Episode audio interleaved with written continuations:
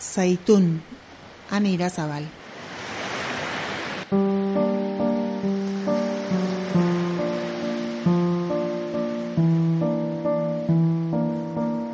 Itxas salbamenduan aritzen den lagun italiar baten deia jaso nuen duela hainbat egun.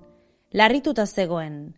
Azken egunetan, etorkinez beteriko ontzien etorrera handitu da, eta gero eta baliabide gutxiago daude Mediterraneoan esan zidan. Ukrainako gerrak estanda egin zuenetik gobernuzkanpoko erakundeen eta Europako gobernuen laguntza bertara bideratu da, eta inor gutxi gogoratzen da Mediterraneoaz. Hello, we are here to help you. Okay, you are safe. We bring... Ekialde hurbiletik eta Afrikatik asilo eskatzaileak modu seguruan, hegazkinean ekartzen dituzten korridore humanitarioak ere gutxitu egin dira urten. Horretaz ere kesu da nire lagun italiarra.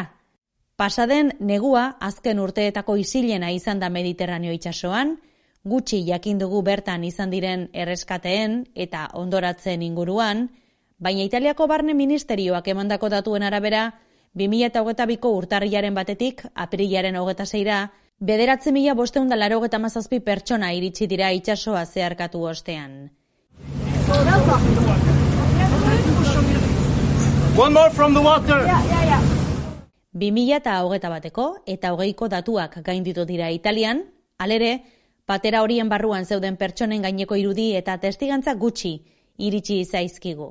Sono naufraghi, non passeggeri, e le regole internazionali, i regolamenti SOLAS, su questo sono piuttosto chiare. Nola nahi ere badago beste datu bat, askotan, estatistika eta grafikoen artean desagertu egiten dena. Italian lehorreratzen diren etorkin gehienak Saheletik datoz, Sara azpiko lurralde lehorretik, eta horietako asko migratzaile klimatikoak dira. Atentzio handia ematen dit haiekin hitz egitean ez direlako horretaz jabetzen, Pobreziotik ies egiten dutela, alegia miseriak inguratu dituela aldarrikatzen dute gehienek. Baina zer keragin du pobretasun progresibo hori?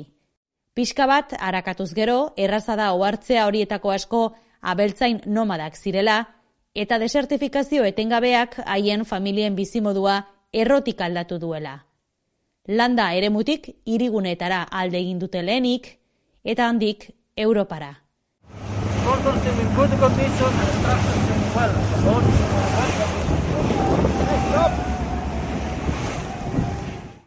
Klima larrialdiaren ondorio zies egiten dutenen iritsiera progresiboaren aurrean, Italiak eta beste hainbat herrialdek erabaki berritzailea hartu dute.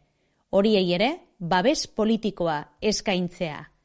Datozen urteetako erronkarik handienetakoa izango da larrialdi klimatikoak eragingo duen migrazioa, hori identifikatzea eta erantzun bat ematea dira begibistakoak ez dirudeten estrategiak, baina Mediterraneo itsasotik iristen diren testigantzek badute zer esan.